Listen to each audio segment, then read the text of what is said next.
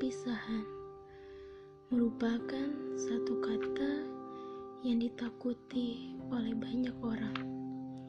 Rasanya, setiap mendengar kata itu, air mata selalu merembas dan membasahi pipi. Kenangan yang baik dan buruk akan pernah terlupakan dan tergantikan membuat kita semakin sulit untuk melepaskan. Tetapi kita harus menyadari bahwa dalam dunia ini tidak ada yang abadi. Setiap pertemuan selalu diikuti oleh perpisahan, bagaikan roda pedati yang ditarik oleh lembu yang selalu mengikuti ke mana pun lembu berjalan suka tidak suka, mau tidak mau, ingin tidak ingin, siap dan tidak siap, perpisahan akan datang menghampirimu. Perpisahan pastilah selalu memberikan luka pada hati kita, tapi itu adalah kewajaran bagi kita sebagai manusia biasa.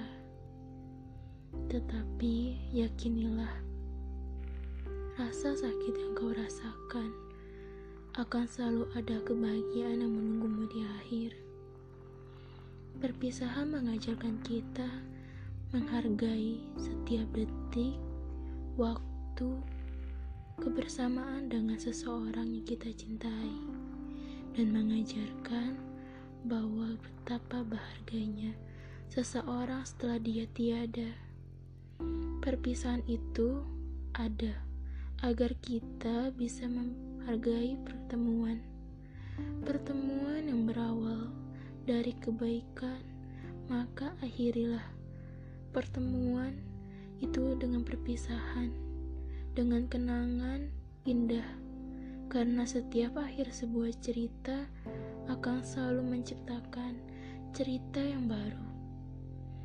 Perpisahan semanis apa pun, seindah apa pun, tetaplah perpisahan. Ada cerita yang sejak saat itu harus berubah menjadi kenangan.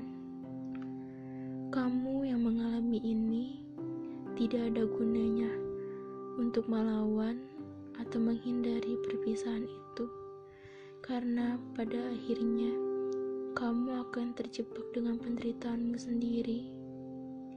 Maka dari itu, yang hanya bisa kau lakukan adalah ikhlas dan melepaskan. Lalu tegakkanlah badanmu dan katakan pada dirimu sendiri, "Aku siap, aku siap menghadapi perpisahan ini.